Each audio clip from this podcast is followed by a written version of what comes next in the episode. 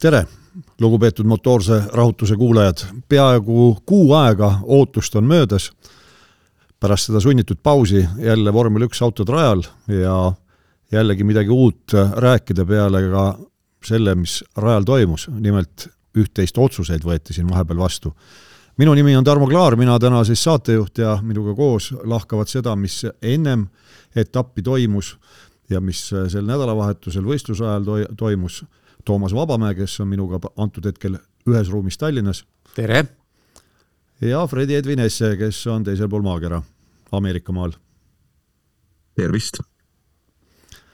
mõtlesin, et äh, alustaks võib-olla kõigepealt sellest, et äh, vormel üks äh, maailm on selline imeline maailm ja tihtipeale mingisugused otsused võtavad kole palju aega, samas viimasel minutil, kui midagi otsustatakse, siis need otsused ei pruugi olla kõigile kõige üheselt mõistetavad.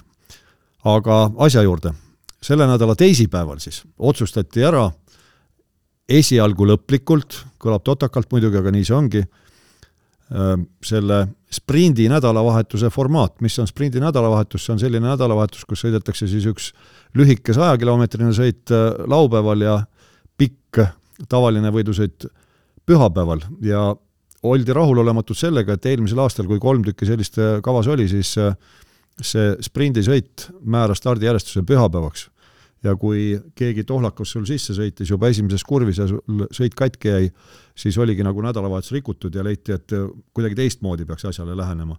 ja mõeldi välja siis, noh, eesti keeles me panime Toomasega sellele nime sprindi kvalifikatsioon, inglise keeles on ta siis sprint shootout ja Aserbaidžaanis me esimest korda seda nägime. Just. ja formaat siis selline, et äh, sõidetakse samamoodi kolm kvalifikatsioonivooru, need on ainult, et oluliselt lühemad, kaksteist, kümme ja kaheksa minutit, üldpõhimõte sama, et äh, viis viimast kukuvad välja nii-öelda. Ja mis siis lisati, lisati selline nõue, et esimeses kahes kvalifikatsioonivoorus peab kasutama keskmist rehvisegu ja viimases kvalifitsa-, kvalifikatsioonivoorus peab kasutama kõige pehmemat, aga nüüd tuleb välja, et seal sõnastuses oli justkui mingisugune hall ala, aga, selleni, aga selleni jõuame. E, ütleme kõigepealt selle ka ära, eks ole, et mis siis veel muutus, e, sprindi kvalifikatsioon selgitab sprindi stardijärjestuse, aga sprindi lõpujärjestus ei selgita enam Grand Prix stardijärjestust. just, et äh, kõigepealt reedel sõidetakse üks vabatreening ja selle järel siis kvalifikatsioon. see vabatreening on tund aega pikk ainult ja isegi kui punased lipud tulevad välja, kell ikka tiksub ükskõik kui kaua need punased lipud väljas on ja rajal sõita ei saa. ja siis see kvalifikatsioonisõit, mis on tavapärane olnud siiamaani, see määrab stardijärjestuse pühapäevaks põhisõiduks. mis te mehed nüüd ütleme, hakkame Toomas sinust pihta. kuidas sulle mulje jäi, oli see nüüd selline vajalik uuendus, kas see tõi midagi olulist juurde vormel üks nädalavahetusele?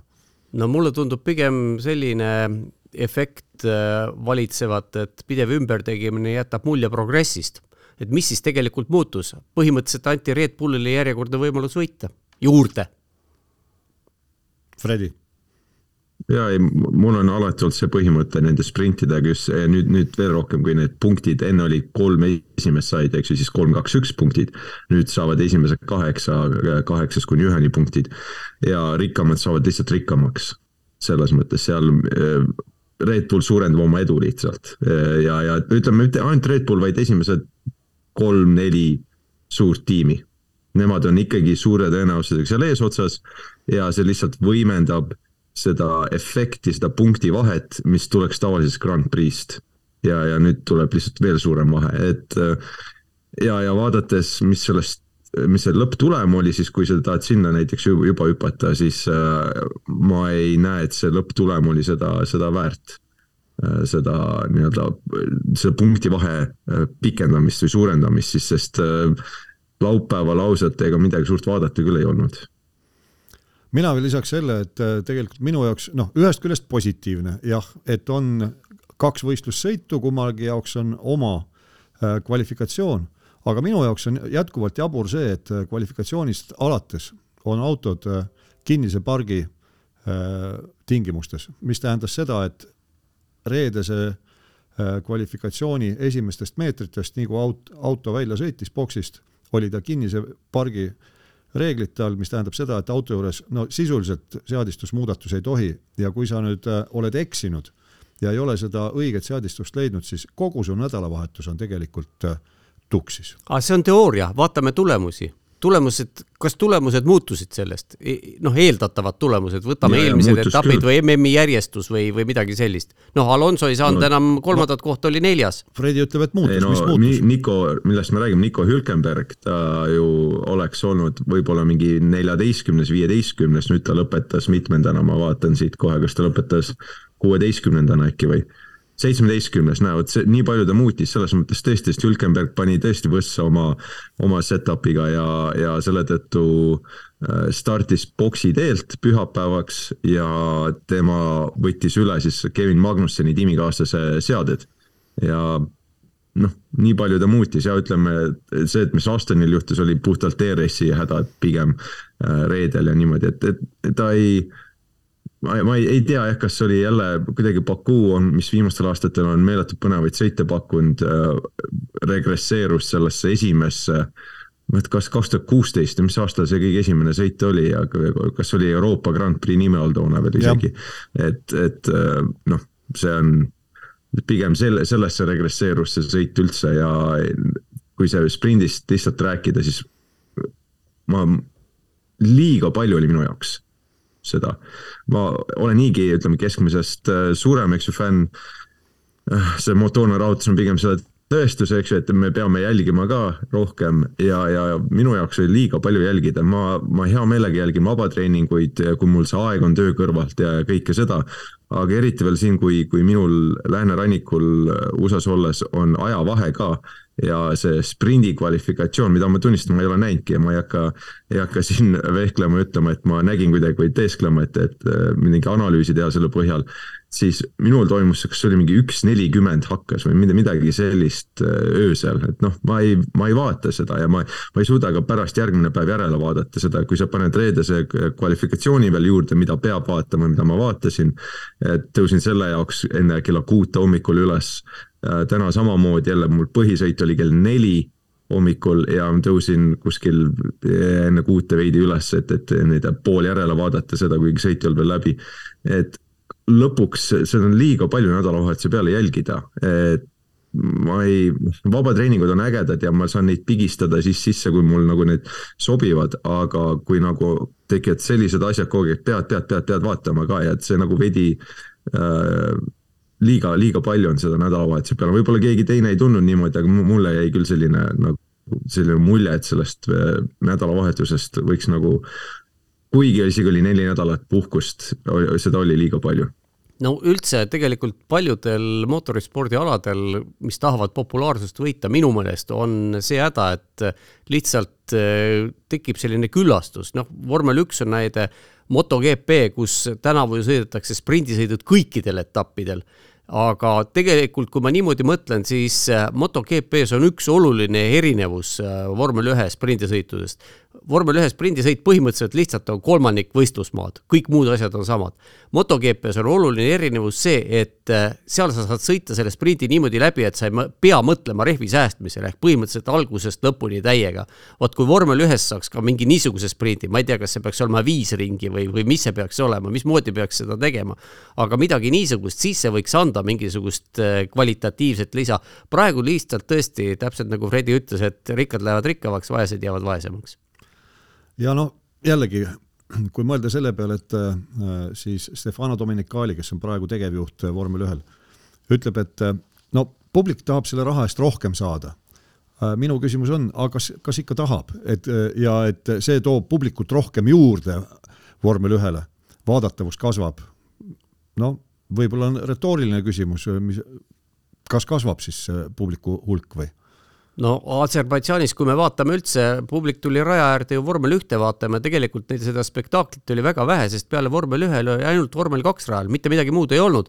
no pühapäeval või oli see laupäeval oli pool tundi oli ka veel äh, vanad autod äh, tegid paraadi seal, aga see oli ka absoluutselt kõik, mitte midagi muud vaadata ei olnud, kolmetunnine vahe no just, ja mina ja, ütlen, et see on. täiesti nõus ja, ja okei okay,, arusaadav, et, et see teine vabatreening siis, mis vana sprindi äh, formaadi juures oli äh, laupäeva hommikul, eks ju, ja kuna auto Park Ferme juba tingimustes, siis see oli põhimõtteliselt ringi kärutamine, no ütleme, bensiini kulutamine, mis ei lähe mitte kuidagi vormel ühe selle äh, rohelise initsiatiiviga kokku, eks ju, et midagi muuta seal, seal ei saa, eks ju, võib-olla sa saad natukene rehvi kulumist äh, selgemaks selle tunniajase sessiooniga, aga, muus osas see mitte kuidagi, noh isegi see, sa kulutad rehve seal, mis ka jälle äh, ütleme, keskkonnasäästlikkuse teema pealt ei ole kuidagi jälle kooskõlas sellega, mida vormel üks ja, ja nende autotootjad, suured partnerid praegu tahavad saavutada, nii et äh, see oli mõttetu, et selles mõttes jah, okei okay,, äh, üritati jälle astuda samm õiges suunas,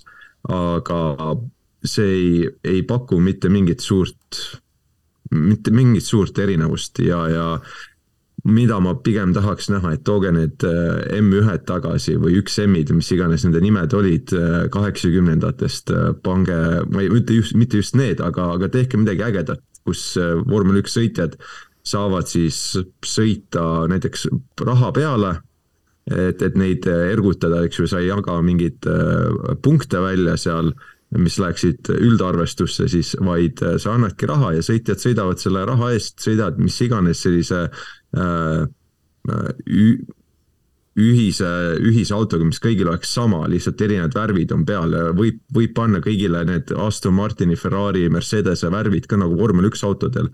aga need autod ise on, on kõik ühesugused ja võivad olla täiesti anonüümselt toodetud, vormel üks toodab prototüüpe, nad võivad vabalt teha mis iganes prototüübi ühe tiimi võivad äh, teha või teha enampakkumise niimoodi, et üks tiim äh, siis loob neile kõigile need autod ja, ja niimoodi siis sõitjad sõidavad võrdselt üksteise vastu edasi-tagasi. ja see on, see on show siis, mis ütleme, mis on odavad ja mida sa võid ka nagu rohkem lõhkuda, mida iganes, et, et seal on nagu variante on väga palju ja, ja selle poole inimesed graviteeruks palju rohkem kui mingi mõttetu sprint, mis lihtsalt on üks kolmandik sellele igavale Grand Prix'le, mis pühapäeval toimus, juurde pandud jah, see oleks ka üks variant, aga mina jauran ikkagi oma, et eh, noh, muidugi ei ole päris võrreldavad MotoGP ja, ja vormel üks, aga veel kord, et eh, MotoGP-s sa võid seda mootorratast seadistada viimse hetkeni veel minu pärast stardijoonel peaaegu et noh, mitte päris küll, aga siiski, et kui sul, kui sul midagi on puusse läinud ja niimoodi. Vormel üks ja, ja MotoGP-le selles mõttes ei ole võrreldavad, et samale pinnaühikule mootorrattaid mahub palju rohkem, seetõttu ka seal seda tegevust on palju rohkem seal ja noh, seda võis ka täna näha äh, MotoGP-s, mina ütlen, et äh, oli põnev sõit, mul on ta päris lõpuni nägemata lõpptulemust, ma, ma küll tean, aga aga auto, autodega on natukene äh, teistmoodi ja veel kord, minu meelest rahvas tulebki nagu seda suurt finaali vaatama ühest küljest ja teisest küljest, kui seal Hamilton ütles selle nädalavahetuse kohta ka, et vahepeal oli nagu sellist mollutamist, et see vahe oli isegi liiga pikk ja minu meelest see väide tuli tal selle peale, kui äh, selgus, et Williams ei saa Logan Sargenti autot pärast äh, kvalifikatsiooni, seda sprindi kvalifikatsiooni avariid kokku äh, selleks sprindisõiduks, mis pidi siis õhtul olema kella nelja ajal, siis äh, et noh, tühja aega on palju, siis nüüd on küll korraldaja teema see, see tühi aeg täita, kas siis sellisel viisil, nagu sina, Fredi, ütlesid, või mingisuguseid muid sarju sinna lisada aga minu meelest on iseenesest see, et üksainus vaba treening on, see on minu meelest positiivne ja, ja kuna sellest tunnist ajast ju tegelikult jäi ka umbes veerand tundi oli punane lipp väljas, siis põhimõtteliselt vormel üks sõitjad lükati samasuguse ja, ja tiimid lükati samasugusesse olukorda, millega peavad toime tulema vormel kolm ja vormel kaks, aga tuleb jälle küsida, kas see siis muutis lõpuks midagi? mina väidan, et ei muutnud midagi. noh, tundub nii, et ei muutnud jah aga mis mõte siis on, põhimõtteliselt on ju räägitud ka sellest, et peaks üldse seda ajakava tõmbama kokku ja üldse kahe päeva peale, tõepoolest, miks seda vabatreeningut siis üldse vaja on? noh, selles mõttes jälle jõuame Ameerikasse tagasi, et äh, sisuliselt IndyCar, mis nüüd sel nädalavahetusel ka sõidab praegu, kui me salvestame, siis sõidu alguseni on veel äh, kolm tundi aega, siis äh, nemad ju sõidavad kaks päeva. saavad hakkama küll, kas no. vaatemäng jääb sellest kehvemaks? ei jää, mina väidan, et vastupidi. Aga, aga katsu seda promootoritele müüa, promootorid, kes niigi juba, ütleme, võtame Austini näiteks, Kota ringraja, kes niigi saab veel ma ei tea, kas nad endiselt saavad, aga nad said varasemalt, said tohutult abi äh, isegi Texaselt ja, ja föderaalvalitsusest minu teada.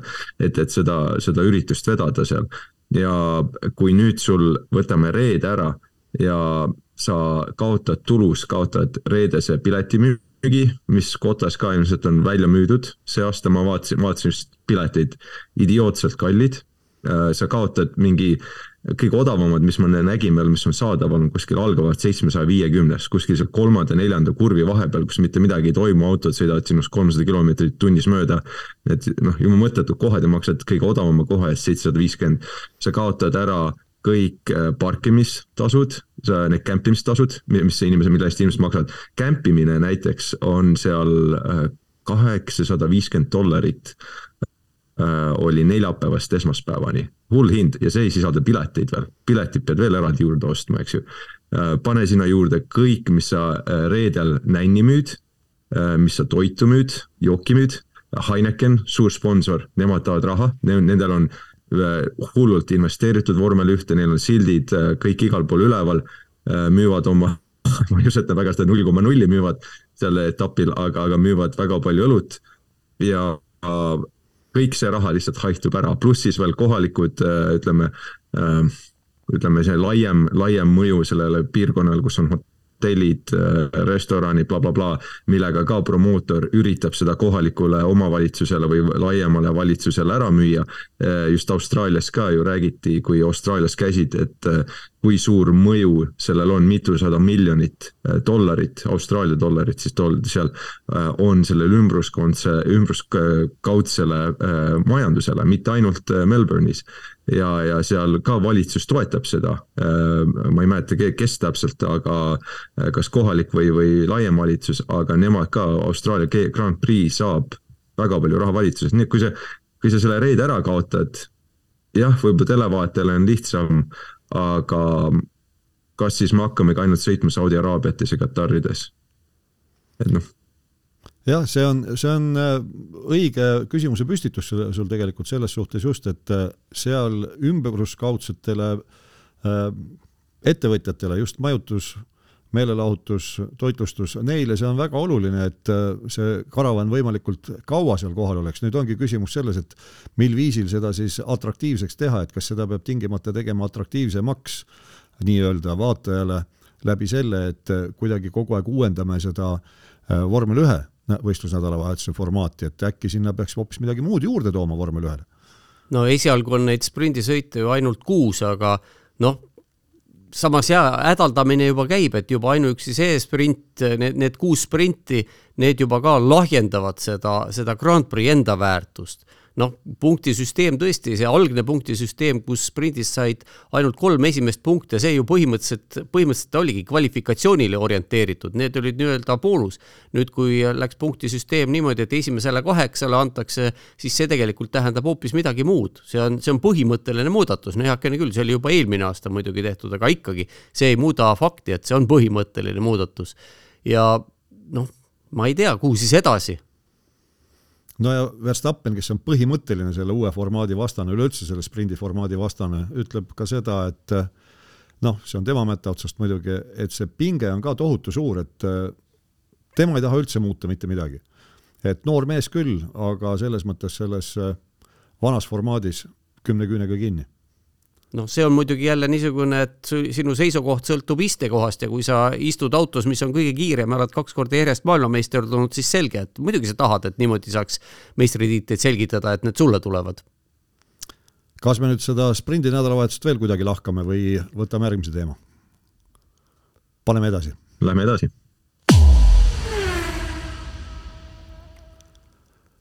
no üks asi veel, mis ennem seda, kui mootorid mürisema hakkasid Aserbaidžaanis, äh, tähelepanu tõmbas, oli teatav äh, ametikohtade vangerdus Mercedese võistkonnas sees.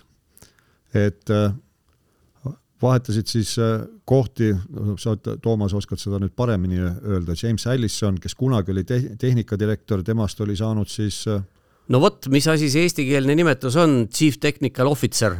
jah, ja peamine tehnikaametnik, otsetõlge, mis on nii, nii rumal ja nii äh, käpardlik, et parem on seda mitte öelda. just nii. CTO. pea, pealik tehniline ohvitser. pealik tehniline ohvitser jah, et viiekümne viie aastane Allison siis nüüd on tagasi selles positsioonis, kus ta oli aastaid, kui Mercedes siin äh, oli edukamatest edukaim äh, võistluse ajal ja, ja Mike Elliot võttis siis selle ohvitseri positsiooni, siin ei ole sõjaväega mingit pistmist. võttis selle tagasi, nii et vangerdati nagu kohad tagasi põhimõtteliselt ja tundub niimoodi, et võistkond sisemiselt on ka maru rahul, et äh, Russell väidab ka, et äh, mehed peavadki tegema seda, mis on äh, nendele kõige sobilikum no see, et võistkond on rahul, no mis nad siis peaksid ütlema, loomulikult nad räägivad seda, mis on positiivne, sellest nad saavad ju palka. aga Fredil on hästi kaval muie näol, ma näen siit teiselt poolt lampi ma, ma lihtsalt üritan, ma oma, mis ma olen nüüd tööturul olnud peaaegu viisteist aastat äh, oma vanuse juures ja ma ei ole kunagi näinud, et, et sa põhimõtteliselt keerad midagi, keerad mingi suure käki kokku, ei, ei äh, ütleme, need tulemused ei ole need, mis peaksid olema ja sind edutatakse ja päris korralikult. et kas teil on sellist, nagu kui ma mõtlen Mike Elliotti peale just siin, et kas teil on mingit sellist sarnast juhtumit, kus te olete näinud sellist asja juhtumas? No aga äkki siis nüüd inimene jõudis oma ebakompetentsuse tasemele vastavalt Peteri printsiibile? jah õigemini ta oli tegelikult juba jõudnud, et noh, raske on aru saada, niisugused, niisugused, niisugused äh, korporatiivsed äh, liigutused, noh, mis võidusõidutiimides tegelikult ei tohiks juhtuda selliseid asju üldse. et äh... no, just vaatame lihtsalt, mis on juhtunud, James Key sai kinga, eks ju, Jody Eggingtonist on, on räägitud päris palju, Alfa Taurist, kes äh, nagu ei ole ka suutnud äh, seda Alfa Taurit viia sinna tasemele, kus ta ilmselt vääriks olema, olla äh,. okei okay,, Ferrari on, on teinud erinevaid vangerdusi ja nii edasi, et, et noh, pretsedenti on küll äh,. FX, Demaison äh, lahkus Williamsist, no seal või võis ka olla veidi poliitikat mängus eelmine aasta, et, et saada ülendatud veel arvestades, kui, kui suure languse on, on Mercedes läbi teinud ja, ja noh, okei okay, panid oma selle kontseptsiooniga puusse kahe tuhande kahekümne esimesel aastal, arendades seda ja kaks tuhat kakskümmend kaks tuli Mercedes rajale, vaatas okei okay,, asjad on kehvasti. Nad väitsid, et nad teavad, milles asi on ja, ja saavad selle asjale jälile ja teise auto, mis nad loovad, on, on täpselt samasugune, et nad ei tee mitte mingit arengut ja pigem noh vastupidi, Aston lasti mööda veel. selles mõttes, et kuigi nad isegi tegid sammu tagasi ja et nüüd saada ülendatud veel selle koha peale um,. ütleme, et Toto Wolf võib päris hea ülemus olla uh,. selle põhjal, mis, mis ma oskan öelda ainult, sest uh, muus osas, kui vaadata, kuidas vormel üks tiimid toimivad, siis kui su nimi just Adrian New ei ole, siis sa saad ilmselt kinga sealt. aga mul jäi mulje, et see Allisoni positsioonivahetus siin äh, mõni aeg tagasi, äh, kui tema see suur ohvitser oli, äh, oli ka tingitud vist sellest samast, mis Adrian Newey puhul tihtipeale on, et need liialt piiravad reeglid võtsid tal motivatsiooni maha.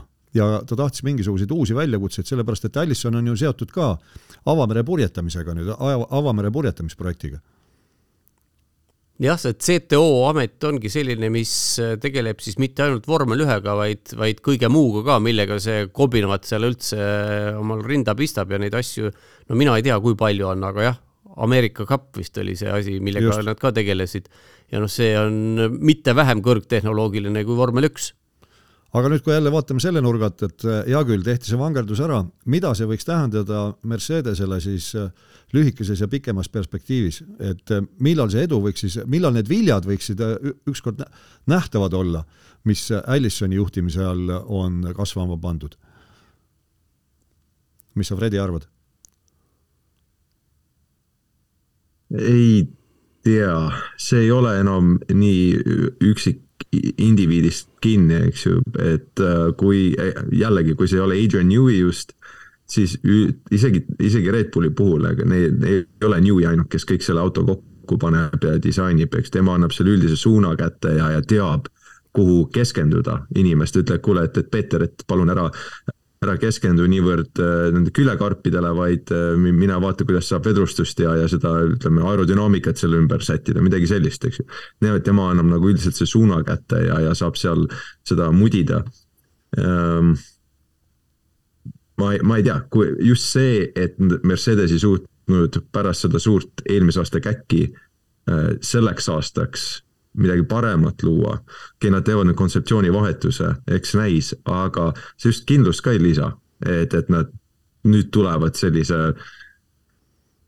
no Red Bulli etappega kindlasti mitte, aga kas sellise autoga, millega nad saavad näiteks Astonist ja Ferrarist mööda hüpata, ma ütleme nii, et see just kindlust ei lisa sellele, me ei tea. Hamilton ütleb, et ta loeb päevi juba selle nii-öelda uue, uue auto upgrade'ini, et, et ähm, noh, selle nende lootused, aga mõtle, kui see, kui see alt läheb, mis siis Hamiltoni motivatsioon veel teeb? et, et see, sellel on päris, päris, päris suur kaal sellel ja, ja palju selle nüüd, see vahetus toimus nüüd, mis oli nädal tagasi või midagi sellist. palju siis Allisonil nüüd sellesse ikkagi lõpuks seda, need sisendit on, ma ei usu, et väga palju, mis ta saab seal nii-öelda, nii-öelda muuta, et, et see pigem see sisend ja kõik see tuleb järgmisse aastasse. Et, et siis, siis on pigem neid tulemusi näha, kui neid üldse on. no see on üsna loogiline jutt jah, sest äh, Mercedes, kui ma õigesti mäletan, Imola etapiks see toimub meil kahekümne esimesel mail, kui ma õigesti mäletan. selleks ajaks peaks tulema need uuendused. Ja need on tegelikult noh, nad on kõik töös, et need on juba, seal ei ole, seal ei ole enam võimalik midagi muuta, need on kõik need valmimisajad on, detailid on lihtsalt nii pikad, et sinna ei ole midagi tehtud, see juba tuleb, aga keegi ju ei tea, kas see õnnestub noh, kõik loomulikult ütlevad, et oh, jõle äge, et me toome uued asjad välja, aga seda räägivad kõik, seda rääkis enne Bakuud ka näiteks Alpine. Ja mis välja tuli, noh, tegelikult ega nad lõppkokkuvõttes isegi ei tea, kas nüüd õnnestus või ei õnnestunud, sest üks hädaorg järgnes teisele ja sellel, nendel hädadel ei olnud tegelikult vist mingit erilist suurt seost isegi selle auto arendusega. Nii et kunagi ei tea, kogu aeg ju arendatakse, aga niisuguseid asju me, nagu me nägime siin noh, ma ei tea, kümme või viisteist aastat tagasi, et eh, hooaja alguses vilets auto arendustööga upitatakse üles, nii et ta hooaja lõpuks on selline tiitlipretendent, siis eh, sellist asja tänapäeval ilmselt enam ei saagi juhtuda. no ei saa, sellepärast et ei ole selliseid piiramatuid testimisvõimalusi, nagu enne vanasti oli, et mäletame ju, et Ferrari siin Äh, Schumacheri aegadel alustas näiteks hooaega eelmise aasta autoga ja siis alles Euroopa etappidel tõi selle uue mudeli välja no aga, aga see oli aeg ka, kui ei olnud simulatsiooni äh, nii-öelda tehnoloogiat sellist nagu praegu, et, et et, et see on, see on ka iseäranis küsimus, palju tiimid üldse sõidutaksid autosid äh, kui sellega kaasneb, eks ju, viide, sa pead andmeid koguma jälle, noh, et sul on palju lihtsam simulatsiooni ja kõike seda jooksutada arvutis, eriti kui sul on väga hea äh, selline simulatsioonitehnoloogia selleks olemas, et noh, see on see on, on jah, ajad on nagu sellest kindlasti edasi läinud äh, ja, ja lihtsalt Toomasele nagu väike vastuväide, aga mitte, et see midagi tõestaks hullult, Aston Martin, eks ju, nad alustasid eelmine aasta ilmselt kõige nõrgema autoga, eelmist hooaega ja, ja noh, see, kuidas Vettel seal Austraalias spinnis ja, ja lihtsalt oli, oli selline õnnetuse hunnik kuni minna Suzukani, kus Vettel tegi minu arust oma ühe karjääri parima sõidu, lõpetas just lõpp kuuendana, sai Alonsost mööda, minu arust oli midagi sellist. tegi fantastilise sõidu, et äh, see on, äh, on võimalik nad lõpetasid kindlasti umbes viienda-kuuenda autoga kiiruselt. jah, aga mitte esimese ega teise ega kolmandana. absoluutselt, seal juba jah, sest see nii-öelda see marginaal, eks ju, mis, mis iga, iga äh, kulutatud tund sulle sisse või tagasi toob, muutub järjest väiksemaks, see kõver, nii et, et jah, seda küll. No mina arvan, et ennem järgmist aastat nähtavasti me seal suurt midagi ei näe ja noh, ütleme seda Allisoni äh, panust, aga muidugi, mis on huvitav minu meelest on see, et äh, tundub nagu James Allisonil endal oleks selline motivatsioonipuhang tagasi, et ta, ta on ise vähemalt tundub rahul ja, ja võistkond paistab, et on ka rahul selle, et selline tagasivangerdus tehti. nii et kui see tõesti reaalne on, mitte lihtsalt mingisugune PR, niisugune mull, äh, siis on ju kõik hästi no motivatsioon tal kindlasti peab olema, sest selge see, et kui sa kaheksa aastat järjest võidad, heakene küll, seitse aastat järjest ainult jutumärkides oli topeltvõit ja kaheksandal aastal siis ainult tiimide võit, noh siis selge see, et noh, sulle jääbki see niisuguseks tavaliseks asjaks, ei ole enam mingit sellist erilisust, et ennast niimoodi järjest motiveerida. noh, võtame sellesama Adrian New, ega tema ka ei ole ju kogu aeg pidevalt järjest võitnud. on olnud tipuperioodid, on olnud pikad mõõnaperioodid. Need ei ole küll enamasti temast sõltunud, aga ikkagi ja, ja kui sa oled juba mõnda aega seal madalamal olnud ja siis hakkab mingisugune progress tekkima, siis see tegelikult on kõige tugevam motivaator no saame näha, aga enne veel põrisevaid äh, räägime ka sellest, et äh, siin selleks äh, aastaks Baku etapil tehti, noh, nimetame tinglikult seda peasirgeks siis, peasirge DRS-i tsooni lühendati ja selle peale sai väga pahaseks sõitjate organisatsiooni, mis ta siis on, tegevjuht või? no direktoriks nimetatakse inglise keeles, las ta siis olla direktor.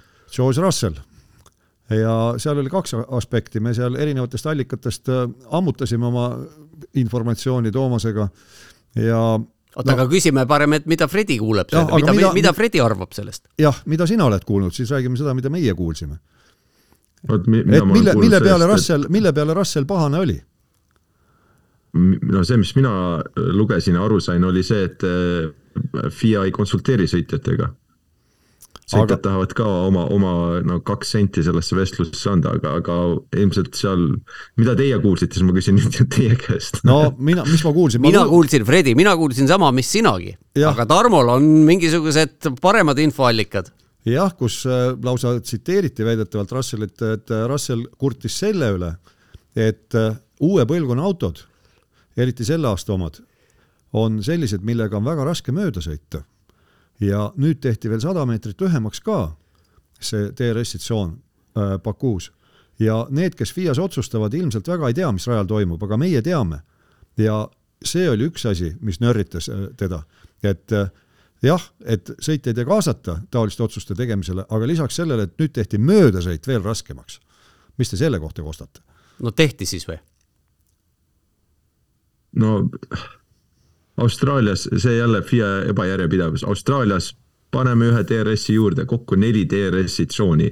Ja, ja see, see keskmine, mis enne üheksandat kurvi siis seal, kus see kiire S on, see oli jälle niimoodi, et, et noh, palju möödasõite me nägime, mis lõpetati juba see sirge peal ära, mis ei ole nagu möödasõit, vaid möödaolemine ettejõudmine meil on Toomasega välja töötatud ja. uus äh, väljend, Toomas mõtles selle välja. mina ei mõelnud välja, mina võtsin ja. selle liiklusterminoloogiast üle, ettejõudmine jah, noh, linnatänavatel ka seal, et lähebki väga hästi sellesse teemasse, sest äh, noh, see DRS, mis mind kõige rohkem häiribki see, et ta peaks olema vahend, mis annab võimaluse mööda sõita, mitte et ta garanteerib möödasõidu, eks ju, ja, ja, ja kuidagi sõitjad võib-olla on ka ära harjunud sellega või mis iganes, et, et kui DRS muidu ei tööta, kui sa ei saa sirgel mööda kellestki.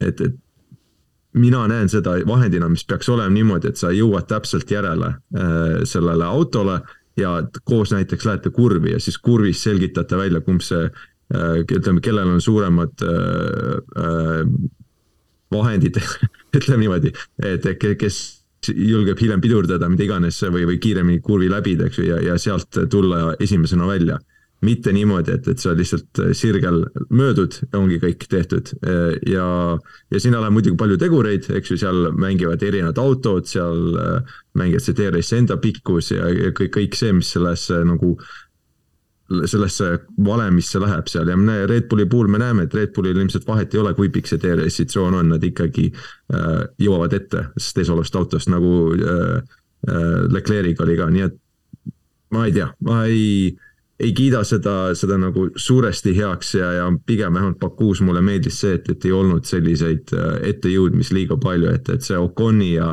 ja Hülkenbergi asi oli üks väheseid asju, mis oli vähemalt vaadatav. nagu et, et said, said midagi jälgi, kui oleks see DRS jälle pikem olnud, oleks see, see olukord ka ära hajunud ja kõik oleksid oma kahe kuni nelja-viie sekundiste vahedega sõitnud, kulgenud ja no mida sa vaatad seal, veel vähem vaadata. jah, äh, samas äh, kui me sõidu algust meenutame, siis äh, Verstappeni ja Leclerc'i kohavahetus oli täpselt selline ettejõudmine. aga kui Perez jõudis Leclerc'i järele, siis esimesel korral ta jõud-, sai küll kõrvale, aga mööda ei saanud. nii et noh, väikene vahe ikkagi tekkis, et päris, päris niisama automaatne möödasõit seal ka ei olnud. aga ma võtaks lühidalt kokku selle sinu tiraadi, Fredi, et ma saan aru, et sa tahad päris võidusõitu näha hmm võib-olla tõesti, Tarmo, väga, ma nagu räägiks psühhiaatriga siin, et ma ja, saan just, praegu abist siin lahk-, lahkan mu. kas sa tahad sellest rääkida? psüühikat siin ei, selle koha pealt mina, mina ikkagi olen selline noh, positiivses mõttes ameeriklaste äh, leiu-, leiutiste pooldaja, võtame sedasama Indikaari. Äh, kui on tänava- ja maanteerajad, kõigil on ühepalju kasu, kasutada seda lisavõimsust ja kasutad millal tahad, kus tahad. kas sa kaitsed positsiooni, kas sa lähed möödasõidule, see on palju õiglasem. sul on teada, on, on see kakssada sekundit ja kakskümmend sekundit korraga ja palun, anna vinti ja tee, aga nüüd on täpselt see, et noh, nagu ennem oli juttu sellest äh, sprindiformaadi noh, uuendusest jutuma, no mitte jutumärkides, aga uuendusest, et rikkad saavad veel, veel rikkamaks, see DRS on täpselt sama et see, kes on kiire, see saab veel kiiremaks. loogikavastane täiesti. no mingitel aegadel ju vormel ühes oli see, et äh, sõitjad ootasid boksi peatust sest noh, rajal ei olnud võimalik mööda sõita. või ei viitsitud, ütleme no, nii. no risk, see on, möödasõit on alati on risk, risk ja boksi peatusega möödumine, sa seisad, see on ju palju riskivabam. nüüd on õnneks, on natukene lihtsam, nüüd oodatakse DRS-i tsooni ja, ja see on ju massiline, noh loomulikult ega siis sõitjatele ei saa seda ette heita, loomulikult nad üritavad äh, leida sellise möödasõiduvõimaluse, mis on punkt üks lihtsam ja punkt kaks riskivaba ja loomulikult noh, Baku muidugi võimendab seda, see on niisugune mõnes mõttes groteskne pilt, mis sealt avaneb, aga see kahe koma kahe kilomeetrine kaldapealne, kus täisgaasiga sõidetakse, noh sealt kui palju viimased viissada meetrit võib-olla on DRS-iga, aga kui sa oled eessõitjale piisavalt lähedal, juba seal mingisugune alla sekundi, siis tuulevarju efekt on täiesti tuntav juba ennegi, nii et selleks ajaks, kui sul avaneb võimalus DRS-i kasutada, siis sa oled juba paratamatult lähemale jõudnud. no ma tõmbaks selle siis kõik kokku siin ilusa paelaga ja, ja kui, kui me rääkisime George Russellist, siis ja ta ütles, et on raske mööda sõita, siis meie jutt siin, et me jahume sellest DRS-ist ja selle mõjust, näitab, et, et tal on õigus ja, ja need uued reeglid, mis FOM välja töötas koostöös FIA-ga, ei ole seda eesmärki täitnud, mille, millega nad tutvustati eelmine aasta noh, kui kuulata Russellit, siis nii tundub, aga eks see vaidlus jääb kestma veel pikaks ajaks.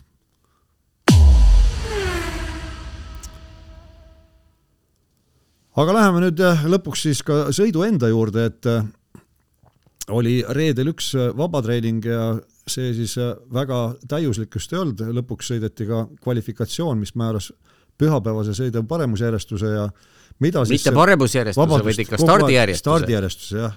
Tarmo, mul hakkavad kahtlused tekkima. Äh, need on võib-olla isegi põhjendatud. et äh, küsimus nüüd selles, et äh, selle ühe vabatreeningu ja, ja reedese kvalifikatsiooni põhjal, mis järeldusi me võime siis teha sellest, et see neli nädalat, mis oli pausi, kui efektiivselt võistkonnad seda kasutanud olid, kuidas need vahed nüüd siis vähenenud või kärisenud vastavalt olid kellegi suhtes? Mis mulje teil jäi, Fredi?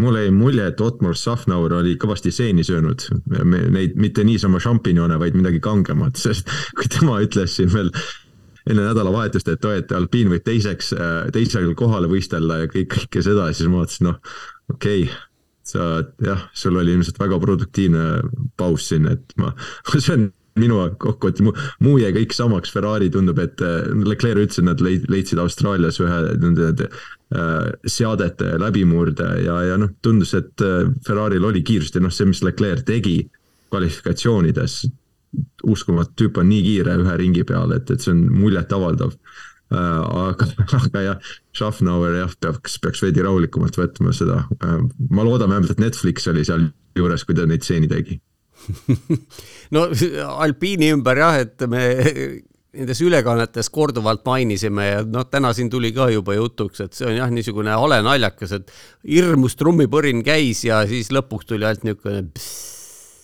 see on, see on nüüd see, ütleme, Prantsuse versioon hakkab tulema Ferrarist, kus on ka niisugune riiklik, riiklik tiim. muide, muide, muide, mis, mis, Fredi ja Tarmoga meil täna tekkis juba korra see, see äratundmine. Millisest rahvusest on Ferrari tiimi eh, juhtivad jõud? jah, jah, ei see on kaks prantslast, palun väga. jah just jah ja.... aga Jean Dott oli ka Ferrari kõige, ütle, okei okay,, ütleme äh, ma ei tea, kas Ferrari enda härra Enzo enda järel öelda kõige, kõige kuulsam äh, tiimipealik oli Jean Dott oli samamoodi prantslane ja kuidagi siis tuli välja see asi no järelikult võime teha ikkagi järelduse, et ei sõltu siin rahvusest see, vaid ikkagi organisatsiooni kultuur kuidagi või, või ma ei tea, mis asi see on. Aga kui me need nüüd Ferrari kõrvale jätame, siis äh, seeni söönud Alpiini liikmed, siis äh, paistis niimoodi, et midagi vähemalt sellele rajale sobilikku Mercedes oli leidnud, sest äh, ei olnud niimoodi, et Aston Martin oli seal ei kellegi maal või, või isegi noh, parem kõigist ülejäänutest Red Bulli taga. et nad ikka pusisid seal natukene Mercedesega või kuidas tundus? no sprindi järel ju selline analüüs näitas, et peaks Aston Martin enam-vähem olema Mercedesega võrdne ja Ferrarist pisut maas, nii et noh, võta sa nüüd kinni, vahet, vahet, aga seda jällegi, seda oli väga keeruline otsustada, sest Aston Martin ilmselgelt läks sprinti sõitma niisuguse äh, noh, reservatsiooniga, et ega me siit väga suurt midagi vist ei saavuta, et teised paistavad praegu kiiremad olevat, et vaatame, mis tuleb. no ei tulnud midagi, täna tegelikult pikas sõidus olid ju, pilt oli hoopis teine. jah, ma arvan, et see Grand Prix pilt oli üsna Äh, representatiivne äh, sellele üldisele olukorrale ja nägime, kuidas lõpus Leclerc kukkus lihtsalt Alonsole peaaegu sülle, lõpus see vahe oli alla sekundi, kui nad lõpetasid ju. et, et Sky ülekandes ka äh, Günter Steiner ütles, et, et nad nägid, kuidas lihtsalt ühel hetkel rehvid kukuvad ära ja siis tulebki boksi tulla ja, ja tundus, et, et Leclerc'il juhtus ka seda, sest ta mõned ringid enne lõppu seal paugutas isegi kiirema ringi ja tundus et nagu neid kiirust on, aga, aga sellega ilmselt küpsetas oma, võttis viimase nendest rehvidest ära, mitte ei küpsetanud neid, aga lihtsalt võttis selle pidamise lõpuks ära. ja, ja Astonil oli kiirust, et, et pigem ma ütleks, et Ferrari ja Aston olid vähemalt oma juhtsõitjatega väga võrdsed, Leclerc, Alonso ja noh, see see kvalifikatsioonipilt ei olnud nii võrdne, ütleme võrreldav just selle tõttu, et, et neil olid DRS-i probleemid. aga jah, seal Mersu isegi, isegi Hamiltoniga roolis, Russell, kes ei suutnud kuidagi nädalavahetust korralikult kokku panna ähm,. okei okay,, ütleme, et jah, võib-olla see sprint oli tal veidi parem, aga ei, ei suutnud äh, Aston Martinile tõsist konkurentsi küll pakkuda seal, et nad selgelt olid äh, kiiruselt neljas tiim jah, kusjuures äh, vaatan praegu kiiremate ringide edetabelit, noh jätame George Russelli välja, kes seal viimasel ringil läks äh, kõige pehmema rehvi seguga paugutama parimat ringiaega, et seda ühte punkti teenida, siis äh, Alonso ja Leclerc sõitsid oma parima ringiaja mõlemad neljakümne üheksandal ringil ja Alonso oli kuskil null koma kolm sekundit kiirem Leclerc'ist. ja Verstappen sõitis samamoodi siis nagu Russell viimasel ringil oma parima ajaga oli natukene, kübekene kiirem kui Alonso, null koma null null üheksa sekundit. aga mina väidan seda, seda on muidugi väga lihtne väita, sest Leclerc ise rääkis seda, ütles, et ta teadis, mida Alonso hakkab tegema, et Alonso jääb alguses tagasi ja seetõttu tema peab ka tagasi hoidma, et lõpuks rehve lihtsalt alles jääks.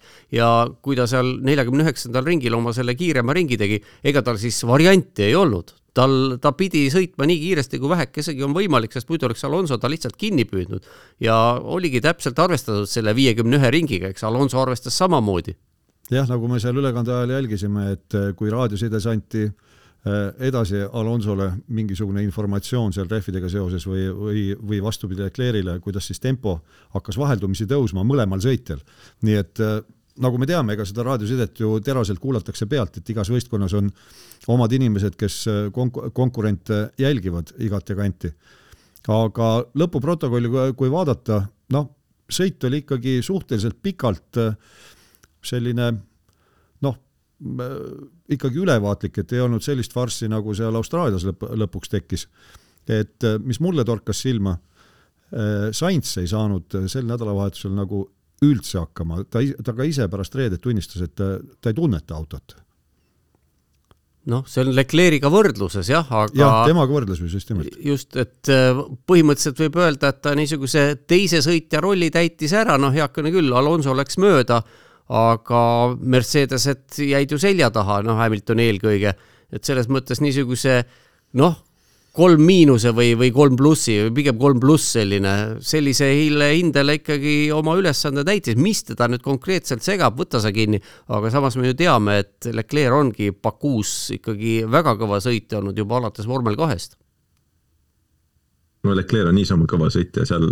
Ma, ma ei taha liiga fännata teda ja ma noh, ei ole mingi hull fännboi, aga, aga tüüp on kiire sõitja, seda, seda, selle üle ei ole äh, vaielda midagi, aga kui me võrdleme neid äh, vahesid ja Leclerc ütles, et Red Bull oli lihtsalt teises liigas, siis ta kaotas kakskümmend üks sekundit lõpus äh, Perezile ehk võitjale. Äh, Sainz kaotas omakorda kuskil kakskümmend kolm, kakskümmend neli sekundit äh, Leclerc'ile.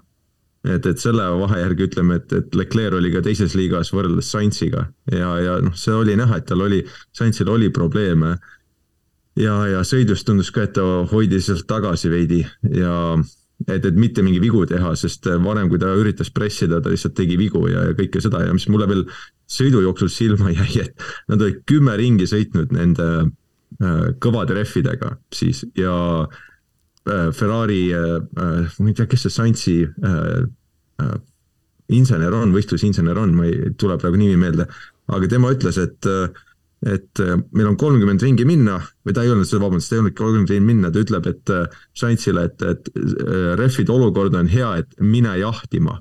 mis põhimõtteliselt tähendas seda, et, et mine nüüd hakka paugutama ja ma mõtlen, et sul on kümme nelja, ütleme neljakümnest, neljakümnesest sellest vahetusest sul on kümme sõidetud ainult ja, ja nüüd sul kolmkümmend veel minna ja ütled juba, et, et mine nüüd hakka rehvi kulutama, et see tundus nii veider olevat ja, ja kui oleks Sant seda tõesti teinud, siis ega, ega sealt ta oleks pidanud boksi minema ja lõpuks oleks ilmselt Russelli taga lõpetanud.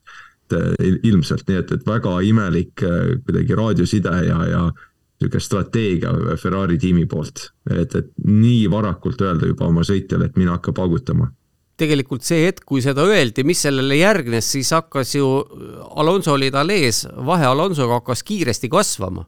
nii et ma ei tea, võib-olla neil on seal mingisugune oma selline släng, millest me lihtsalt valesti aru saame. aga, aga fakt oli see, et vahe vähenemise asemel see hoopis kasvas. nii oli, absoluutselt. aga Hamilton seal ka kangesti püüdis äh, Carlos Sainzi selja taga, aga no ei jõudnud ta kuhugi, ta, ta jõudis DRS-i äh, ulatusse ja niimoodi nad lõpuni loksuma jäidki seal. et äh, milles seal nüüd jälle, jälle küsimus oli, jäi mulje, et et Hamilton küll nagu tahab, aga ei taha ka ja samas Sainzil olukord päris kontrolli all justkui ei olnud. sest pärast vahe neil lõpus oli, mis ta oli seal, oligi mingi null koma kaheksa, null koma seitse sekundit no kui me siin Saintsist veel, ma tahtsin öelda seda, et äh, võime ju rääkida, millised puudujäägid tal on, aga vaatame nüüd punktitabelisse ka. Saints on palju, palju kaugemal, palju rohkemate punktidega eespool kui Leclerc, aga see Hamiltoni Saintsi või noh, võitlus, mis võitlus see oli, see ei olnud isegi mitte võitlus, see oli niisugune varjuboks või ma ei tea, mis. mõlemad nagu oleksid tahtnud, aga kumbki nagu ei saanud no minul jätkuvalt on selline mulje, et kui Hamilton tunnetab, et ta poodiumile ei sõida selle autoga, et see auto ei võimalda, siis ta noh, ei anna endast kõike. ta ei ole valmis selle neljanda-viienda koha pärast äh, ennast äh, tühjaks sõitma. no ta oli George Russellist ees, põhimõtteliselt seal oli juba ük, üks point, peamine point oli tõestatud, et ta on kiirem sõitja, eks ju, tiimisiseselt ja, ja, ja okei okay,, mis, mis see, ütleme, kuues versus viies koht, mis seal nii suur vahe on, eks ju, mis teda motiveerib, kui, kui sul on seitse tiitlit taskus juba, siis ja sa tead, et, et on niikuinii see aasta, sul need punktid nii-öelda ei loe lõppude lõpuks.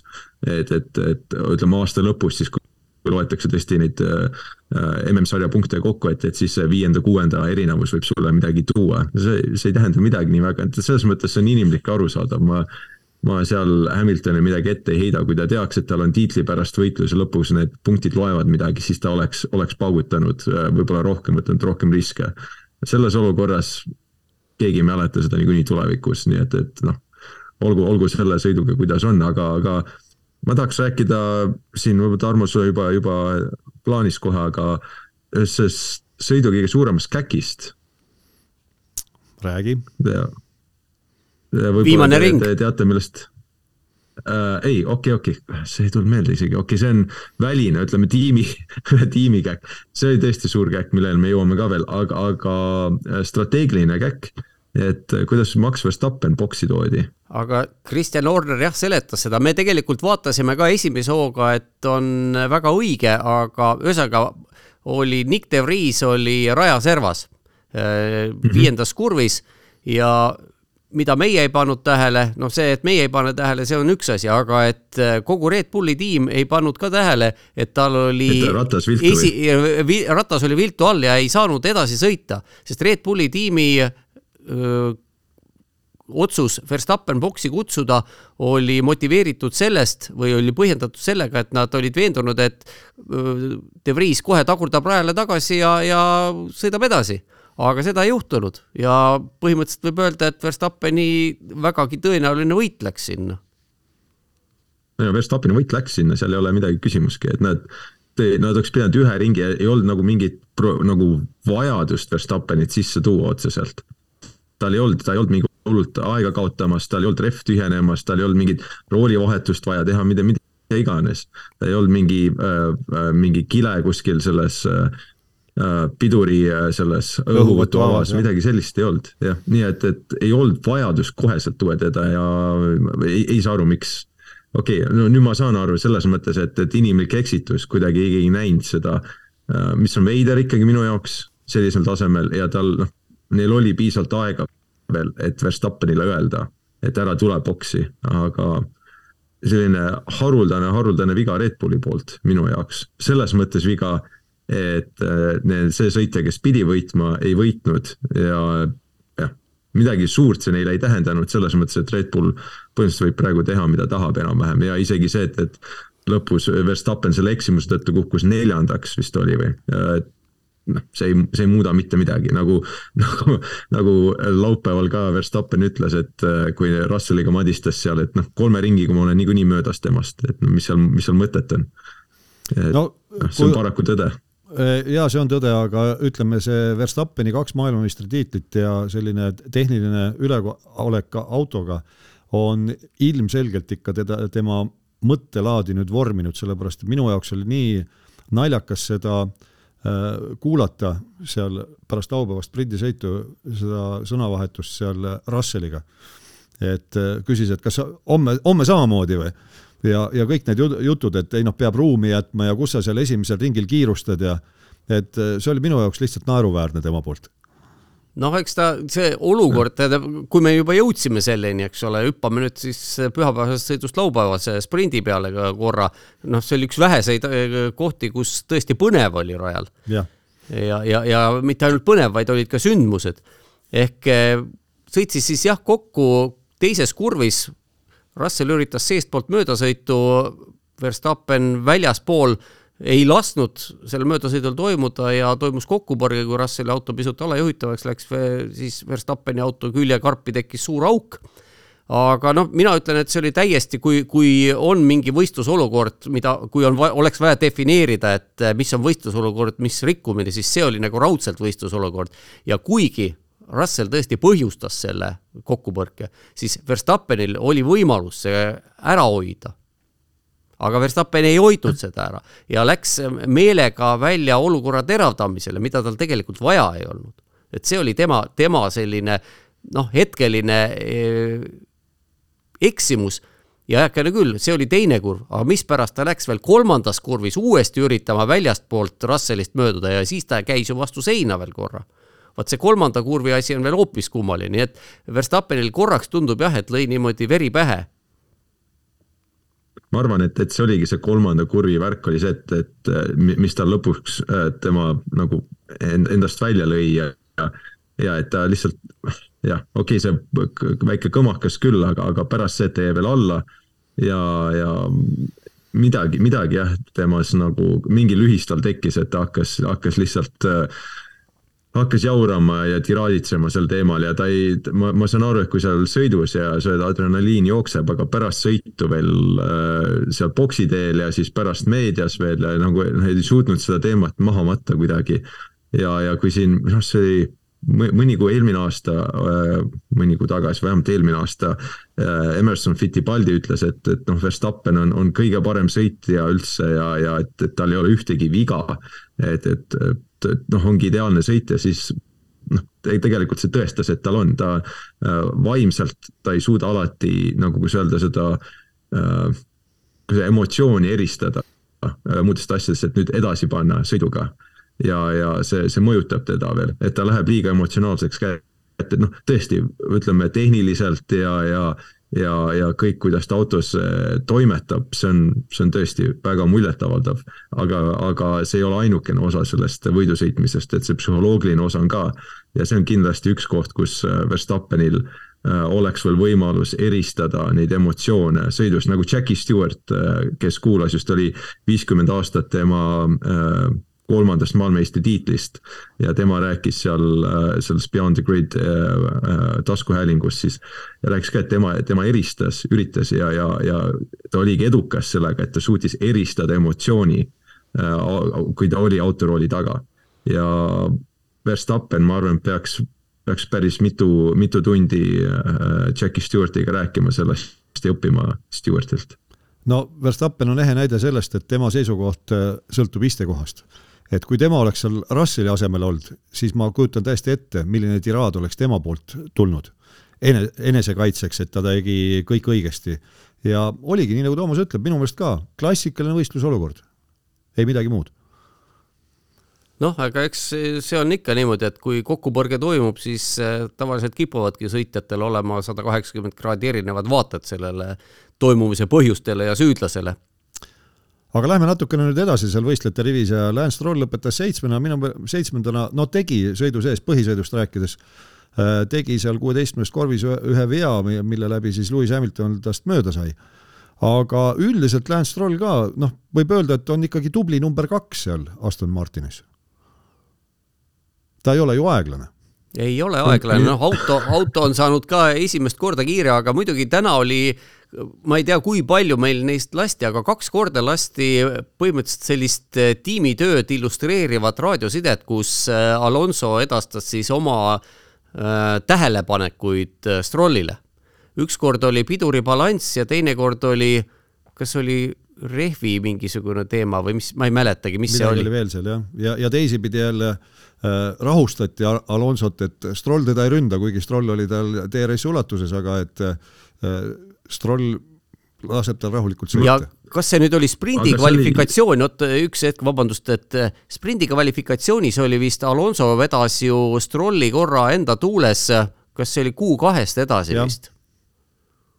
Mhm. et, et tõeline meeskonnatöö, mis on, ütleme, Alonso puhul minu jaoks täielik üllatus. ja, ja, ja, ja see, see, et, et ma, Stroll oli ka see, kes initsieeris selle Ma ei ründa Alonsot äh, raadioside ütles, see ei olnud tiimikorraldus, et ära, ära nüüd ründa.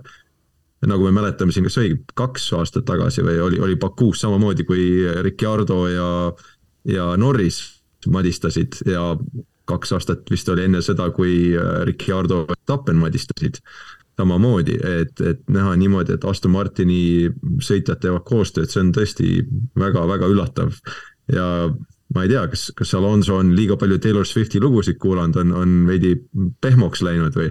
Et, et seda tundub, et oma meeskonnakaaslase vastu küll äh, on, on hoopis teine suhtumine kui näiteks aastal kaks tuhat seitse võib-olla. aga muidugi peab ütlema ka, et ega tal ei ole varem olnud sellist meeskonnakaaslast, kelle isa oleks meeskonna omanik see annab oma värvi kindlasti sinna juurde aga lähme seal võistlejate rivis veel nüüd edasi või lõpuprotokollis, et äh, Lando Norris selle uuendatud McLareniga üheksas ja Yuki Tsunoda kümnes, mina ütlen küll, et äh, Yuki on tegelikult mind äh, selle aasta alguses positiivselt üllatanud. stabiilsus on täiesti vapustav, üheteistkümnes, üheteistkümnes, kümnes, kümnes, neli etappi.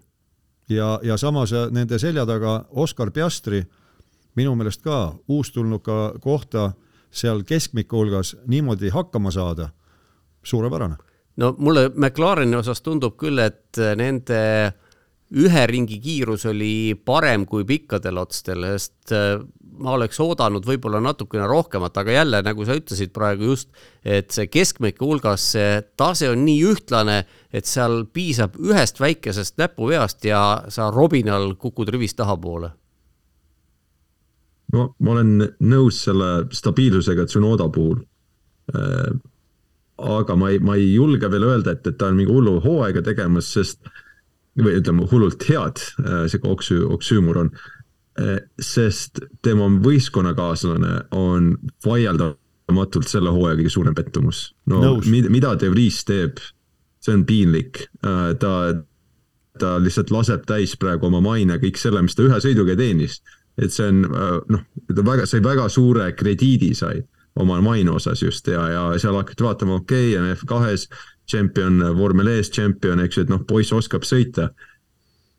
vaadates, mis ta siin nelja esimese etapi peale teinud on, ta on täiesti kadunud. ja, ja ta ei, ta ei tee seda tööd, ähm, miks Red Bull ta, ta üldse nagu Pierre Gasly ära lasi ja, ja siis oli nõus võtma ta Mercedesilt üle, eks, et ta ei ole kuidagi Red Bulli kasvandik, et ta põhimõtteliselt ei peaks olema seal tiimis, isegi kui, kui mõtleme, ütleme nagu ausalt ütleme, et ta ei olnud ju kuidagi Red Bulliga seostatud enne seda. Nii et äh, kõik see usaldus ja krediit, mis temasse on paigul, paigaldatud või paigutatud, ta on kõik selle ära kasutanud ja nüüd veel rohkem võlgu võtnud. Ja ta peab küll oma, oma, oma selle asjad nagu paika saama, sest nii jätkates ta, ta teist hooaega vormel ühes ei näe. no mis teist hooaega, see niimoodi ta ka pärast suvevaheaega võidakse juba hakata vaatama, et ega no. siis Liam Lawson, vaadates Ainu, ainult ta... siis, kui Lawson jah, just, jah, ainult siis, kui Lawson suudab äh, äh, Jaapanis superformulas sama, samu nagu esitlusi edasi näidata. no ütleme ära, et Lawson ja. võitis esimese superformula etapi Jaapanis tema, oma debüüdil mm. -hmm. just, ja, ja, ja Gasly käis ka ju, mäletame seal äh, pärast vormel, vormel kahte käis ka seal ja, ja tänu sellele ka seal headele esitlustele tuli vormel ühte. et jah yeah De Vriesil ei, ei kesta see pidu kaua niimoodi. ei, kindlasti mitte, teades seda, kui jõhkralt tegelikult seal Red Bulli farmis toimetatakse sõitjatega, siis kui ta samas vaimus jätkab, siis tõesti ennem suvevaheaega võib ta juba leida ennast kuskilt mujalt, aga mitte vormel üks autoroolist. aga kui vaatame edasi, Williamsid, Alexander Albon ja Logan Sargent, siis noh, Sargentil on siin äh, nii ja naa see värk, aga paistab, et Aleksander Albon on, on võtnud enda kätte võistkonna sellise liidri rolli no aga miks ta ei oleks pidanud ja Sargent on ju koos De Vriesiga need kaks äput, kellel siiamaani punktiarve on avamata ja ega kui me hakkame Sargenti neid avariide ja, ja äparduste nimistut vaatama, siis ega see nüüd De Vriesi omast oluliselt lühem küll ei ole. ainus vahe on see, et, et Sargent on suutnud äh, mis ähvatusi teha, ta on kvalifikatsioonis äh, päris hästi teinekord esinenud teatud, teatud nendes kuudes, kas kuu ühes või kahes. Et äh, tal on vähemalt see nii palju praegu ette näidata ja tundub, et kiiruselt ta, ta suudab Albonist olla mingi kümnendiku kahe kaugusel teinekord, kui nagu asjad klapivad. De Vries ei ole isegi seda suutnud näidata.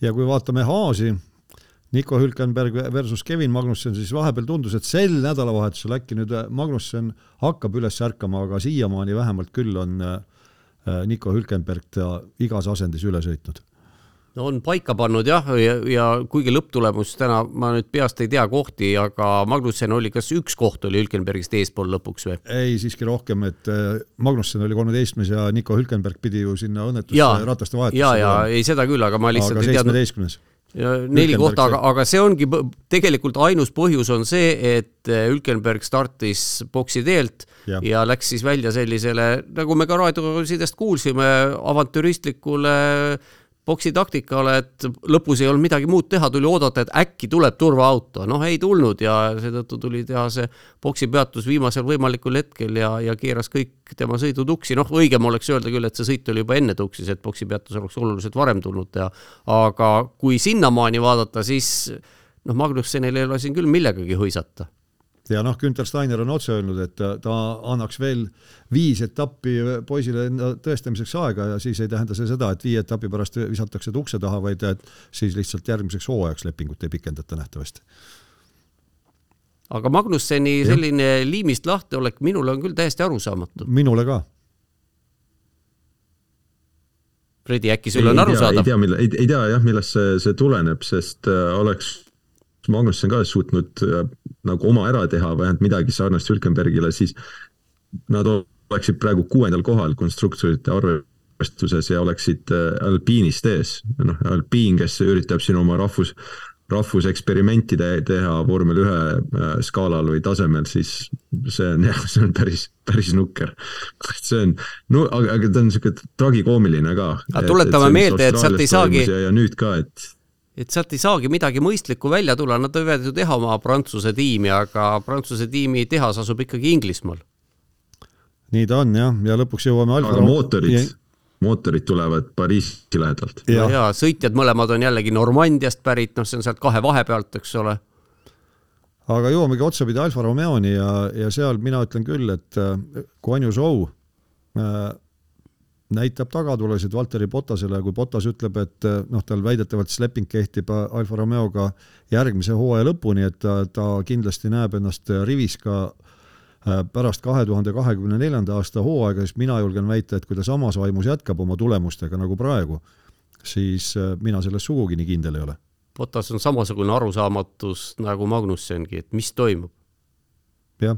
no ütleme niimoodi, et kui ta just sõjaväega ei liitu, siis ma ei tea, mis rivis ta peaks olema kuhu ta, kes teda vastu võtaks, sest see ka, kuidas Potas on ära kadunud, nagu, nagu päikesevarjutuse ajal on päike on kadunud lihtsalt, see on noh, see on, tal peaks ka, tal peaks päris, päris piinlik olema praegu. Sorry, ei, ei, ei taha jälle, aga, nagu kuida-, kuidas ta on sõitnud, see on, see on tõesti piinlik, kus Potas on, on lihtsalt täiesti ära haihtunud, see ma ei tea, kas see on vuntsid ja mullet või mis, milles asi on, et mul on hea meel, et ta on õnnelik ja teeb sai nüüd mis iganes see Mercedese äh, korporatiiv keskkonnast äh, välja, aga nagu e, kui me räägime, et Hamilton, eks ju, laske Hamiltonil olla Hamilton ja, ja teeb omi asju ja ta toob tulemusi rajal ja ta on toonud tulemusi, eks ju, seal, seal ei ole midagi vaielda.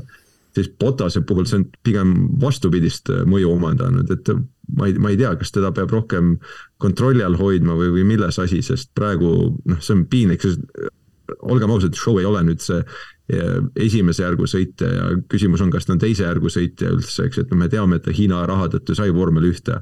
muidu ta varasemate tulemuste põhjal kuidagi oleks väärinud seda äh, ülendust. vähemalt teised sõitjad, mitte keegi ei ole saanud sarnast ülendust samade tulemustega, nagu tema sai. siis praegu show teeb talle täiesti ära.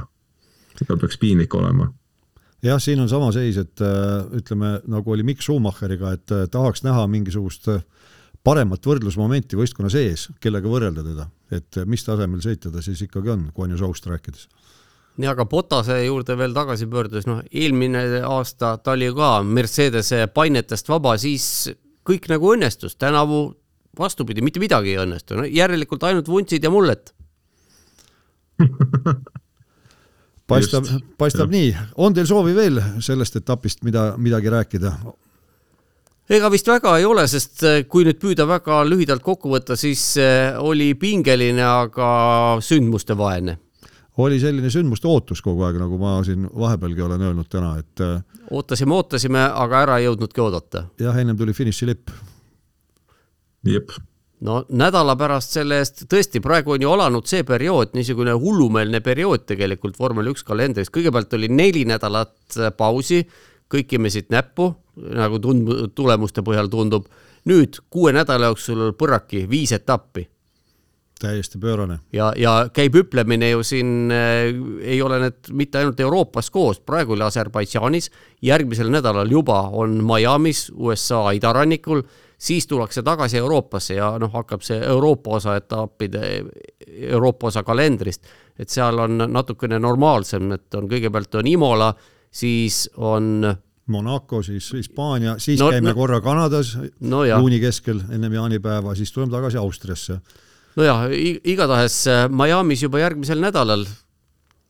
ja Miami rada, no äh, kas ma nüüd olen millestki valesti aru saanud, aga minu meelest Miami rada väidetavalt sai selleks hooajaks uue katte täielikult, sest eelmine aasta seda kõvasti kritiseeriti.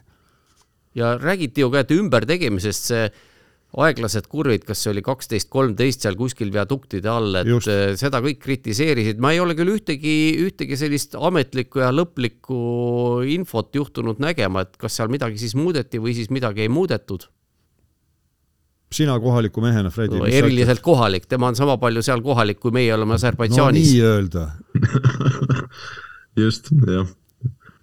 no see on sama nagu saarlase käest küsida. Las Vegase sõit tuleb, tuleb mulle lähemale, aga jah.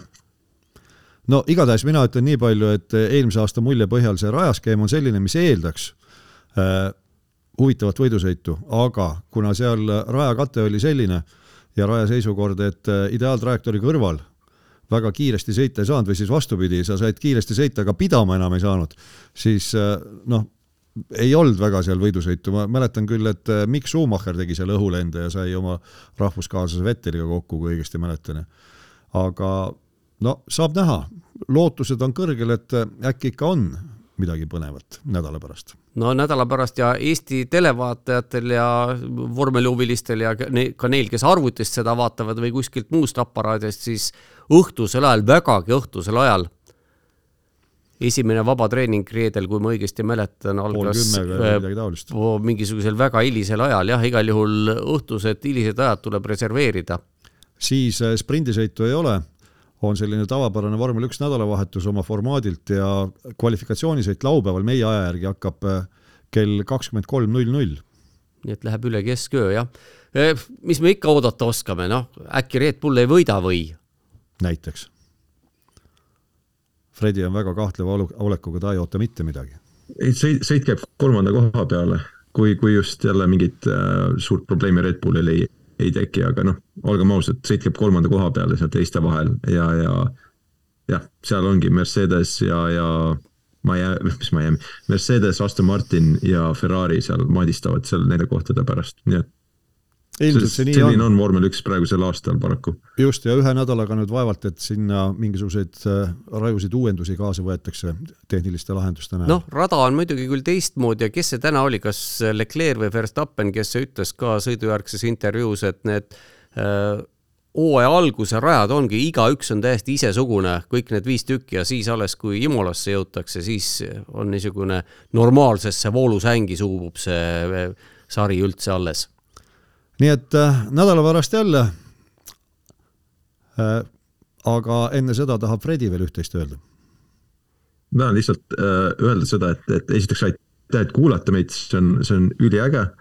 ja, ja loodan, et, see uus formaat mitu formaat niivõrd, aga, aga vähemalt meie uus kanal läbi Õhtulehe sobib kõigile ja palun jätke tagasisidet ja, ja omalt poolt ka, et, et kui teile meeldib see, mis me teeme siin ja mida me loome, siis ausalt kõige parem abi meile on see, kui te lihtsalt räägite kellelegi äh, sõbrale, kes võib ka olla vormelihuviline. ja, ja lihtsalt äh, levitage meie kohta sõna sõprade-tuttavate äh, seas, nii et see oleks meile kõige suurem abi selle kõige puhul ja selle tegemise puhul ja, ja garanteerib ka selle, et me saame neid sõite ka tulevikus kommenteerida, analüüsida. nii et selle üleskutsega siis lõpetame selleks korraks kõik, kohtumiseni nädala pärast. Kuulmiseni, nägemiseni. kõike paremat, kuulmiseni